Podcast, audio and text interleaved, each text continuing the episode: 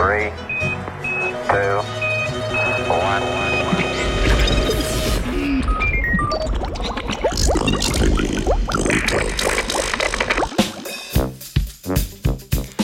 Rastlinski čistilni servis. Dobro jutro. Prebivalci urbanih naselij se srečujejo z naraščajočim problemom onesnaženega zraka v bivanskih prostorih. S tem narašča tudi potreba po praktičnem in trajnostnem načinu razgradnje onesnažil. Raziskovalna skupina z Univerze iz Washingtona se je po odgovor na to vprašanje zatekla k tehnologiji genskega spreminjanja sobnih rastlin.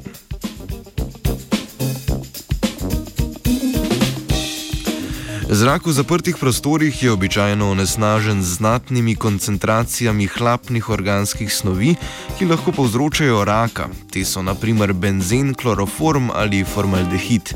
Za otroke in osebe, ki delajo od doma, je zaradi pogostejše izpostavljenosti tveganje za zdravje še večje. Vir benzena je lahko gorivo shranjeno v garažah, zunani zrak ali cigaretni dim. Kloroform se tvori pri kloriranju pitne vode in med prhanjem prehaja v zrak, formaldehid pa se izroča iz nekaterih gradbenih materialov ter nastaja celo pri kuhanju.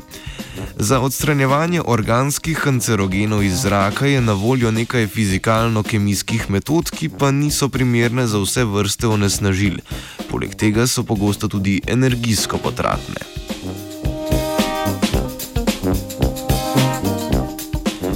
Zdaj pa si zamislite, da bi lahko zrak v svojem domu vsakodnevno čistile kar sobne rastline na okenskih policah. Te imajo že brez genskega spreminjanja številne pozitivne učinke, kot so proizvodnja kisika, povečevanje vlažnosti zraka v prostoru in odstranjevanje nekaterih onesnažil. To je glavni princip fitoremediacije, ki izkorišča sposobnost rastlin za privzem in presnovo določenih organskih molekul za potrebe odstranjevanja neželenih spojin iz okolja. Thank you. Raziskovalci in raziskovalke so tokrat šli še korak dlje in gensko spremenili sobno rastlino Zlati potos, tako da so v dedni zapis rastline vstavili gen za sintezo kunčjega citokroma P452E1. To je za sesalce pomemben presnovni encim, ki ima tudi sposobnost oksidacije in odstranjevanja nekaterih onesnažil prisotnih v zraku.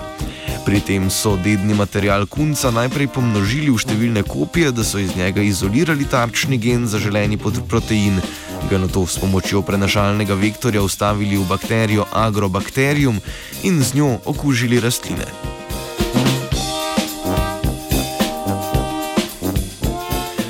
Tako spremenjene rastline so testirali za sposobnost razgradnje benzena in kloroforma v zraku, ter dokazali, da so v obeh primerih zelo učinkovite. Za razliko od do zdaj uporabljenih fizikalno-kemijskih metod za čiščenje zraka, gensko spremenjene rastline zahtevajo zelo malo energije in vzdrževanja.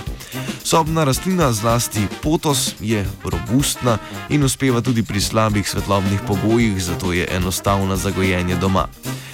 V zaprtih prostorih ne oblikuje cvetov, zaradi česar se verjetno za prenos spremenjenih genov v okolje močno zmanjša. S temi argumenti pa je raziskava pokazala, da bi lahko gensko spremenjene sobne rastline v prihodnosti uporabljali kot učink, učinkovit biofilter za hlapne organske kancerogene snovi v zraku bivanskih prostorov.